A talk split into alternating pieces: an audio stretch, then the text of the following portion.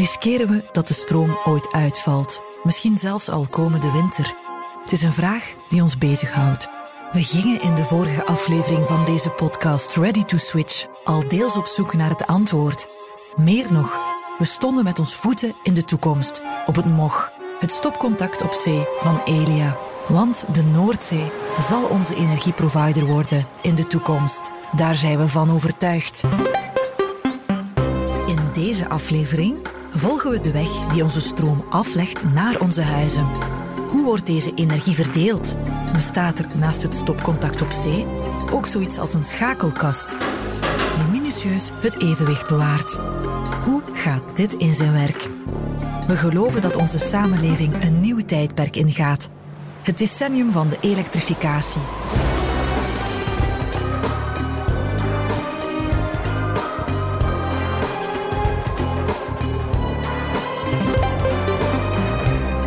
Deze aflevering gaan we aan de knoppen zitten in het Nationale Controlecentrum van Elia, het NCC. Het kernpunt dat vraag en aanbod van onze energie tot op de seconde monitort. Want de tijd tikt.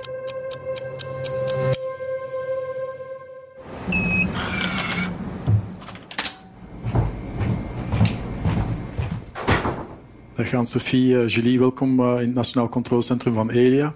Mag ik misschien voordat we binnen gaan vragen om eerst jullie identiteitskaarten uh, klaar te houden voor de bewaker? Ja, dankjewel. Zo, nu gaan we verder en ik ga de eerste keer badgen. Je zal zien dat we nog een paar keer gaan moeten badgen. Welkom in het NCC, het Nationaal Controlecentrum, waar elke minuut het evenwicht tussen vraag en aanbod van de elektriciteit in België wordt gemonitord. We worden vandaag rondgeleid door Philippe Carton, het hoofd van het NCC.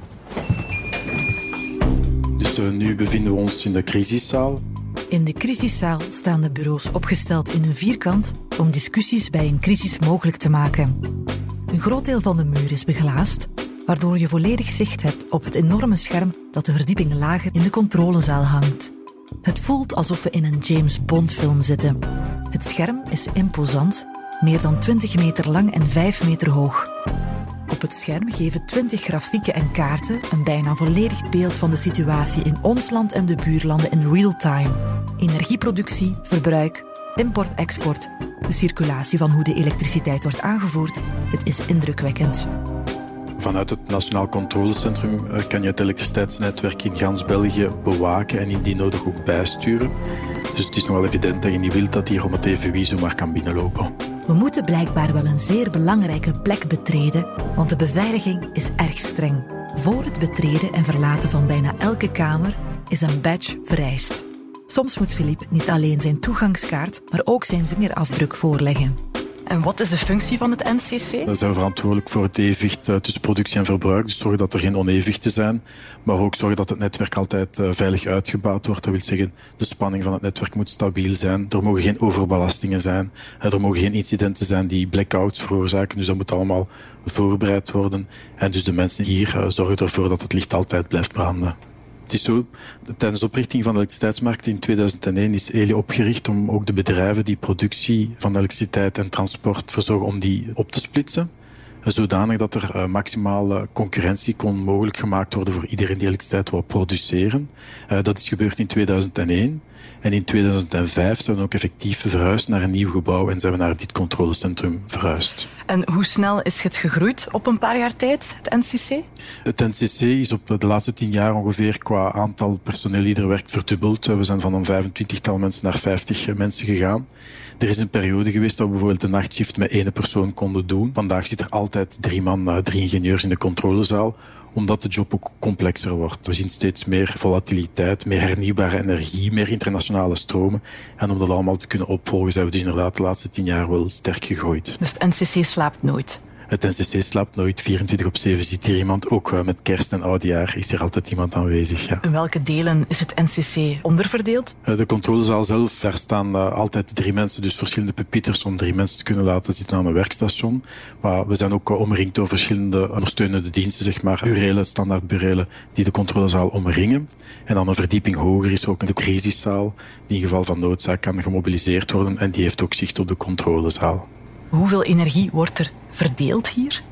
Het gemiddelde verbruik eh, van België is ongeveer 10.000 megawatt. Dat is het gemiddelde. Uiteraard, dat varieert tussen 6 en 14.000 megawatt. En dus uh, dat is het verbruik dat permanent moet afgedekt kunnen worden. En de mix daarvan, uiteraard, die, die varieert ook in functie van hoeveel wind, hoeveel zon dat er beschikbaar is. Uh, er is in België vandaag al ongeveer 4000 megawatt uh, wind geïnstalleerd en 6000 megawatt zonnepanelen. Dat komt min of meer overeen met de 10.000 megawatt de bedoeling in de toekomst is om naar 100% te gaan. Dus er is nog een lange weg af te leggen. Philips boodschap dat we nu al steeds meer hernieuwbare energie implementeren en dat we dat in de toekomst nog meer zouden gaan doen, getuigt van een sterke visie over onze toekomst. In zijn stem zit datzelfde optimisme dat ik detecteerde bij Geert toen hij op het Mog enthousiast over het Prinses Elisabeth-eiland sprak.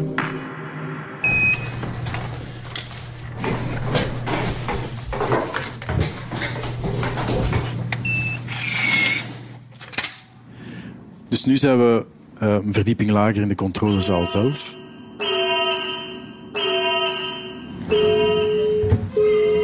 Ja, dag RCC Merksem. Het is hier met Nico, uh, Nationale Dispatching. Ik heb juist een alarm gekregen. De wind is uh, veel hoger dan voorzien tussen Gezelle en Maarland. En daarvoor zou ik een kabel extra moeten inschakelen. Dus ik wou even checken met u of dat er iemand aanwezig is in beide posten en of dat het oké is om te schakelen. Ja, oké, okay, ça. Dus uh, dan ga ik de kabel 380-110 inzetten.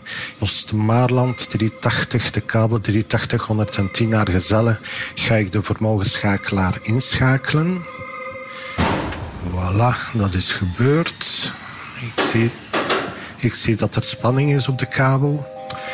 En vervolgens uh, ga ik in de post Gezelle 380, uh, de kabel 380-110 naar Maarland ga ik de vermogensschakelaar inschakelen. Oké, okay, dat is ook gebeurd. Voilà, kabel is in dienst en ik zie dat de stroom is uh, op de kabel. Oké, ja, bedankt. Jo, dag. Zo snel als het evenwicht van ons elektriciteitsnetwerk kan balanceren, moeten de ingenieurs die werken in het NCC snel beslissingen kunnen maken. Ze moeten dus bijzonder stressbestendig zijn.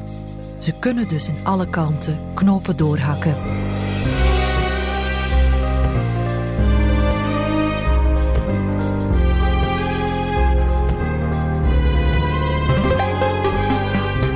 De controlezaal van het NCC, waar we nu zijn, bevindt zich in het midden van het gebouw, geflankeerd door burelen.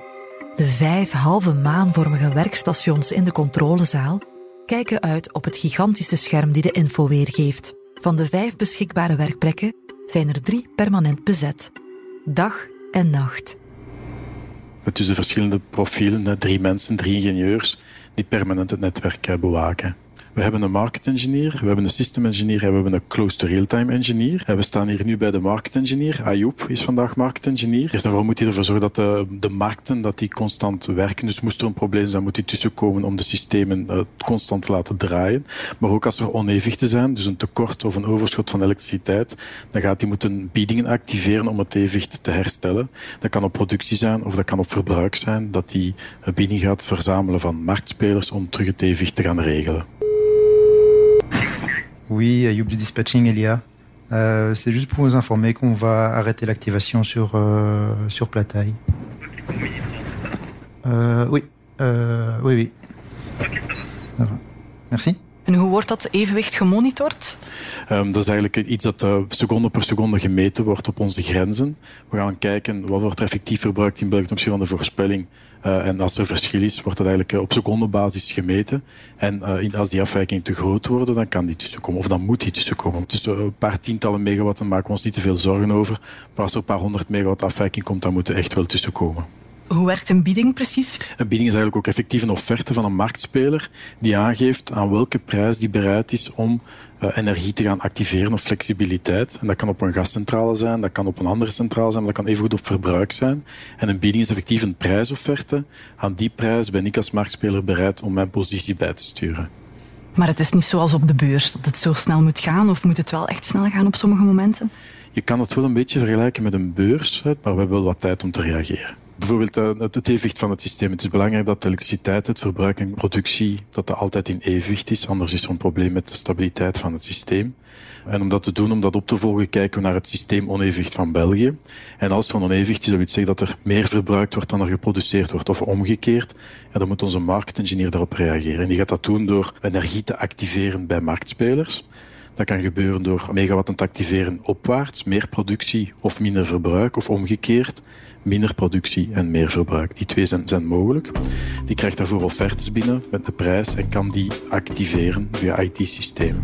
En dat is het resultaat daarvan zie je op het linkerscherm bovenaan. Dat staat ook op onze website, de onevenwichtsprijzen. NRV is het eh, netto regelvolume, hoeveel megawatt hebben we geactiveerd. En imbalance price, dat is de onevenwichtsprijs, dat is de kostprijs die daaraan gelinkt is. En die bepaalt ook de prijs die de marktspelers die onevenwicht zijn moeten betalen. En dat creëert een zeer interessant systeem, want de mensen die het onevenwicht veroorzaken betalen ervoor, maar zij die ons kunnen helpen krijgen dezelfde prijs. Dus zeg maar het mechanisme dat is opgebouwd. En het resultaat zie je op de schermen. Dus de witte lijn is de megawatt die we geactiveerd hebben, de rode lijn is de prijs daarvoor. En dat schommelt nu tussen de 0 en de 200 megawatt en de prijs die gaat even tot 300 euro om dan terug te zakken richting 100 euro. We zijn nu verhuisd naar de system engineer. Nico is vandaag system engineer. Ik ben verantwoordelijk voor dat de grid veilig in real-time wordt geopereerd. Dus daarvoor gaan we kijken op verschillende zaken. We gaan kijken of dat er geen overbelasting is of een risico op een overbelasting. En in dat geval moeten we daarvoor acties ondernemen, zoals bijvoorbeeld topologische acties, het in- of uitschakelen van lijnen, aanpassen van productie eventueel en het gebruik maken van dwarsregeltransformatoren, waardoor dat we de stromen op het net kunnen regelen. Gebeurt dat vaak, dat hij heel snel moet schakelen? Het is zo dat we veel meer moeten voorbereid zijn op incidenten, dat er ook effectief incidenten gebeuren, gelukkig maar. Maar we gaan hier altijd uit van de regel van de N-1 moet altijd afgedekt zijn. Dus ook als het incident niet is opgetreden, toch gaan we altijd de acties nemen die nodig zijn om te zorgen dat in geval van een incident dat er geen overbelasting kan optreden. Dus we zijn veel vaker acties aan het nemen om erger te voorkomen dan dat er ook effectief incidenten optreden. Stel dat er een risico op overbelasting of effectieve overbelasting optreedt, dan kan de systemengineer verschillende acties nemen. Een van de acties die we kunnen nemen in een hoogspanningsstation is om de topologie te gaan wijzigen. Dat wil zeggen dat je andere lijnen met elkaar gaat verbinden en daardoor kan je de stromen omleiden. Dat is één actie die mogelijk is. Uh, we hebben op uh, specifieke plaatsen in ons netwerk ook dwarsregeltransformatoren staan. Je kan dat eigenlijk een beetje vergelijken met, met een kraan voor water. Dus je kunt die effectief gaan openen of sluiten. Dus daarmee kan je ook de stroom gaan omleiden of uh, meer stroom toelaten. En een derde actie die ook regelmatig gebruikt wordt, is het herverdelen van productie. Dus je kan door productie te gaan herschakelen, dus door centraals op te regelen en andere centraals af te regelen, kan je ook de stroom gaan beïnvloeden. Maar daar is dan wel een prijskaartje aan verbonden. We zijn nu bij Ilias aanbeland. Ilias is vandaag close to real-time engineer. En opnieuw met een werkstation die er identiek uitziet, maar ook weer totaal andere taken. De close to real-time engineer die moet ervoor zorgen dat alle uren voor de volgende dag en, en vandaag dat die doorgerekend worden om op basis van alle voorspellingen die we hebben, uh, een voorspelling te maken van de stromen en de spanningen die we zien voor de komende uren. En stel dat die problemen zouden detecteren, om die eigenlijk al proactief te gaan oplossen op voorhand, voordat die effectief in realiteit opduiken, om ervoor te zorgen dat de systemengineer zeg maar, een, een, netwerk krijgt die ook beheersbaar is. Zij is een Nostradamus hier van uh, de controlezaal. Inderdaad, er is net geen kristallenbol, maar toch wel heel veel informatica-tools om, om die voorspellingen te maken. Er is zeer veel rekenwerk, zeer veel uh, data die moet verzameld worden om dan met informatica-tools berekeningen te maken en voorspellingen te maken die meestal vrij accuraat zijn, af en toe wel kunnen afwijken uh, in realiteit. En daarvoor hebben we dan opnieuw de system engineer om die afwijkingen te kunnen opvangen. Zorgt de Close to Real-Time Engineer dan voor de groene lijn die we in het begin zagen op het scherm, de forecasting? Inderdaad, de, de forecasting die je ziet, de groene lijn op de schermen, die wordt gecreëerd door Elias uh, in zijn job. Ja. Het zijn alle drie heel specifieke functies. Ik kan me voorstellen dat het toch wel een heel specifieke training vereist. Hoe gaat dat? Eerst en vooral uh, opleiding uiteraard. Hè. Het gros van de mensen die hier werkt zijn effectief ingenieurs. Uh, veel van hem ook in, in, in sterkstroom. Maar uh, ook zelf als je van school komt en uh, je start hier uh, ja, makkelijk negen maanden tot twaalf maanden extra opleiding. een deel daarvan theoretisch, maar een deel daarvan ook on the job om effectief de job te leren. En via simulator ook gecertificeerd te worden voordat je effectief de, de functie kan opnemen. Via simulator, dat klinkt interessant. Hoe gaat dat dan? We hebben inderdaad een simulator waarop dat we alles kunnen nabootsen, maar uiteraard in een veilige omgeving. We kunnen incidenten creëren, uh, gestresseerde toestand waar dat de mensen dan moeten op reageren. Maar uiteraard in een veilige omgeving kunnen ze dan experimenteren om te kijken of dat ze klaar zijn om de job effectief op te nemen.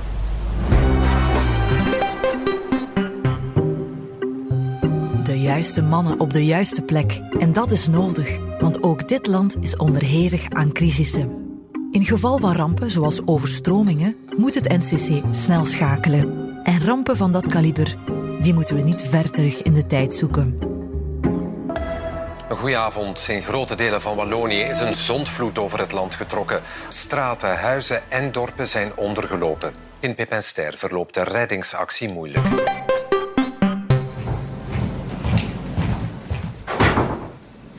We zijn nu terug in de crisiszaal eh, op de volgende verdieping. Dus dat is de plaats waar in geval van crisissituaties dat we de mensen samenbrengen om de zaken te beheren gebeurt natuurlijk niet te vaak, maar vorige zomer hebben we nog eentje meegemaakt tijdens de overstromingen. Onder andere in Pepester, dus eh, tijdens de overstromingen in de zomer eh, van vorig jaar, zijn we verschillende hoogspanningsstations verloren. En om die reden hebben we toen beslist om, al onze crisiscellen te mobiliseren, om ons daarop voor te bereiden. Uh, Marie-Laure kan daar waarschijnlijk ook wel iets meer over vertellen, over hoe dat we die crisis beheerd hebben op het terrein toen. Klopt, in tijden van crisis is communicatie ook wel vrij belangrijk. En dan is het echt wel ja, een luxe om zo'n team van ingenieurs naast u letterlijk te hebben. In tijden van crisis zit de communicatie ja, naast het team dat effectief het probleem in de gaten houdt en gaat kijken naar oplossingen en dergelijke meer. En ook tijdens Pip Ster ja, hoorde ik van de collega's dat het echt wel ja, zeer dankbaar was om echt minuut per minuut updates te krijgen van, van de situatie en zo de correcte informatie ook uh, naar buiten te kunnen geven. Het is dan echt wel, ja, elk radartje begint te draaien en zijn of haar werk doet en ervoor zorgt dat ja, alles blijft werken en zo snel mogelijk hersteld geraakt. Ik herinner mij ook nog, Pip Ster was in, in, in volle zomerperiode, vakantie. Heel veel mensen die eigenlijk niet aan het werk waren. Ook jij niet, hè, Filip? Jij was op vakantie en een halve dag later stond hij hier gewoon op het NCC als het al een halve dag geduurd heeft. Tijdens de overstromingen was ik op volle van de kust. Maar na een paar uh, telefoontjes... Sorry Filip dat we u storen in uw verlof. Toch gemerkt dat er toch wel risico's waren dat de situatie verder zou escaleren. Maar je hebt het misschien al gehoord op het nieuws. De situatie is ernstig. Lukt dat voor u om naar het NCC te komen? Op dat moment waren we maar drie relatief kleine posten verloren. Dus op zich nog niet dramatisch voor de bevoorradingszekerheid. Maar er waren risico's dat er nog een, een tiental extra hoogspanningsstations zouden onder, onder water lopen. En dus hebben we beslist om alle crisiscellen te mobiliseren. Hoe werkt dat? Dus we hebben drie strategische crisiscellen die hier boven de controlezaal samenkomen. Uh, daar zitten mensen in, hè, experten communicatie, experten systeembeheer en ook experten over materialen, zeg maar de, transformatoren, de lijnen. En die drie competenties samen gaan dan tactische beslissingen nemen over uh, prioriteiten stellen. Wat zijn de risico's die we zien? Eventuele prioriteiten voor herstel, wat is het meest belangrijk? En uiteraard ook afstemmen hoe gaan we de externe stakeholders gaan informeren indien de zaak verder zou escaleren. De ramp in Pippenster is een tekenend voorbeeld van de uitdagingen waar ons klimaat voor staat. Climate change is om de hoek. Hernieuwbare energie kan een manier zijn om een deel van de problemen te stuiten. Maar ik vraag me af: is het al niet te laat? Het, is nooit te laat, maar het is zeker zo dat we geen tijd mogen verliezen. En ook wij als netbeheerder, wij, willen in geen geval een obstakel zijn in die energietransitie. Integendeel, we willen die maximaal ondersteunen. En dus van zodra dat wij een obstakel tegenkomen, dan gaan we op zoek naar oplossingen. En zeer vaak ook innovatieve oplossingen. om een aantal voorbeelden te geven, als het kan gaan we drones gebruiken of onbemande vaartuigen. Eventueel ook artificiële intelligentie gaan inzetten om te kijken hoe kunnen we het netwerk best gaan, gaan uitbaten, cloud computing, noem maar op. Dus uh, obstakels zijn er om te overwinnen en dus we willen absoluut geen, geen obstakel zijn in de energietransitie, eerder een, een versneller, zeg maar. We leerden al op het MOG hoe belangrijk enerzijds en ook hoe innovatief anderzijds de samenwerking met onze buurlanden is. Ik vraag Filip hoe dit zich vertaalt in de werking van het NCC. Zullen wij vandaag al, al vier elektrische grenzen hebben. Nederland, Frankrijk, Duitsland en Engeland. En inderdaad, in de toekomst kan het zijn dat we nog verbindingen gaan bijbouwen met Denemarken, misschien zelfs Noorwegen, noem maar op. De idee is dat er altijd ergens in Europa wel hernieuwbare zal zijn. Dat kan zon zijn, dat kan wind zijn. En we willen ervoor zorgen dat het hoogspanningsnetwerk geschikt is om die energie ook naar de juiste plaats te brengen. Om ervoor te zorgen dat ook België altijd toegang zal hebben tot hernieuwbare ergens in Europa waar dat die zich ook bevindt. En we hebben het daarnet al op het scherm gezien, de cross-border flows. Hoe werken die precies? Wel, het is zo dat uh, stromen natuurlijk internationaal zijn. Het kan zijn dat uh, marktspelers energie gekocht hebben in Duitsland, in Nederland of in Frankrijk. Wij moeten ervoor zorgen dat die uh, veilig kunnen getransporteerd worden. Nu, het is zo, als wij in België problemen zouden hebben en acties nemen om die te vermijden, dat dat impact kan hebben op de buurlanden. En om te vermijden dat we het probleem simpelweg gewoon verplaatsen, is er een apart bedrijf opgericht, Corezo, om de coördinatie tussen al die netbeheerders te gaan verzorgen. Dus dat wil zeggen, als er een probleem ontduikt in België, moeten wij via Corezo afstemmen met de buurlanden om te zorgen dat, uh, ja, dat de acties die wij nemen anderen niet in gevaar brengt. En ook omgekeerd uiteraard. En welke plaats neemt Elia in binnen Europa op dat vlak? Wij zijn binnen Europa altijd de voortrekker geweest van coördinatie. Dus wij, wij proberen toch echt wel een centrale rol te spelen. Bijvoorbeeld de oprichting van Corezo was Elia ook een van de eerste netbeheerders om dat bedrijf op te richten, juist om, om die coördinatie uh, extra kracht bij te zetten. En samenwerking brengt ons bij koffie. Elias zicht op de toekomst beperkt zich niet waar de briljante voorspellingen van de Close to Real-Time Engineer eindigen. Elia blikt al veel verder vooruit. Bij Elia anticiperen ze al volop op een toekomst die steeds dichter bij de consument staat. Deze benadering, consumer centricity, moet de perfecte balans tussen het beschikbare elektriciteitsaanbod en het verbruik ervan mogelijk maken. Wij geloven dat een, toekomst met 100% hernieuwbare energie, dat dat maar mogelijk is als ook het verbruik een actieve rol gaat spelen in, in het beheer van het evenwicht. En verbruiken wil ook zeggen iedereen thuis, uh, alle normale consumenten. Uh, om een voorbeeld te geven, elektrische voertuigen die zich gaan laden op momenten met veel zon of veel wind. Of uw warmtepomp die uw huis misschien wat vroeger gaat verwarmen als er toevallig in de namiddag een, een overschot zou zijn aan energie. Nu, om dat mogelijk te maken, uiteraard is er veel werk nodig. Hè, en daar spelen wij een actieve rol in om dat allemaal een beetje te faciliteren, om al die partijen samen te brengen. En hoe kunnen we daar nog meer op inspelen? Door meer samenwerking aan te gaan met bepaalde industrieën dan? Of hoe moeten we dat concreet zien? Het is zo dat wij dat zeker niet alleen gaan kunnen. Dus wij, wij willen de rol opnemen van, om die markten te gaan ontwikkelen. Maar energieleveranciers, eh, producenten van, van warmtepompen, producenten van, van voertuigen, ja, die gaan allemaal moeten mee op die trein springen om ja, software toepassingen aan te passen, om ook hun, hun hardware, hun voertuigen daarop aan te passen, om ja, de interface te maken tussen de warmtepomp en, die prijssignaal die wij willen uitsturen. Dus eigenlijk, ja, er zijn zeer veel marktspelers, producenten, leveranciers, die zeg maar op de kar moeten springen om, uh, om samen met ons dat systeem vorm te kunnen geven. En hoe ver kunnen we daarin gaan, denk je? Wel, onze ambitie is toch wel op, termijn om te zorgen dat ja, al die flexibiliteit die beschikbaar is, om die allemaal te laten meespelen in, in dat systeem. Dat wil zeggen dat iedereen met een, een elektrisch voertuig, met een warmtepomp of met een thuisbatterij, dat we die graag zouden kunnen laten binnenbrengen in dat verhaal. En als je kijkt naar de transitie, we willen gaan naar 100% hernieuwbare. Dus de komende 5 à 10 jaar zullen cruciaal zijn als je kijkt naar wat er ons te wachten staat. We willen echt gaan naar 100% hernieuwbare. We gaan extra windmolens bouwen op zee, er komen zonnepanelen bij. Dus de komende 5 à 10 jaar gaan we echt allemaal samen moeten zorgen dat dat systeem effectieve vorm krijgt. Technisch kan het, technologisch. Maar het is vooral een kwestie van ja, software toepassingen, contracten, uh, noem maar op. Uh, en ook ja, een beetje de mindset van de mensen die moet aangepast worden om in dat systeem mee te stappen. Dus er is een mentaliteitswijziging nodig. Er is een mentaliteitswijziging nodig, maar zelfs de mensen die er al klaar voor zijn, moeten we natuurlijk wel ook makkelijke toepassingen aanbieden, dat het niet te complex is. Hè. Je kunt niet verwachten van mensen dat ze constant achter hun scherm gaan zitten om te kijken, wat is de prijs nu? Is het nu de moment om mijn voertuig op te laden? Dus we moeten het natuurlijk wel die consumenten die daar willen in meestappen en die die mindset reeds hebben, moeten we het natuurlijk ook wel makkelijk maken. Uh, en dat is vandaag zeker nog niet het geval. Kunnen we hiervan dromen? Sneller dan verwacht. En dit plan echt al binnen 5 à 10 jaar uitrollen. Dat antwoord zullen we zoeken in onze podcaststudio. In een gesprek tussen Chris Peters, de CEO van Elia, en grootverbruikers. Want een verandering breng je niet alleen op de been. Hoe kunnen we samen het decennium van de elektrificatie inluiden? Naar aflevering 3.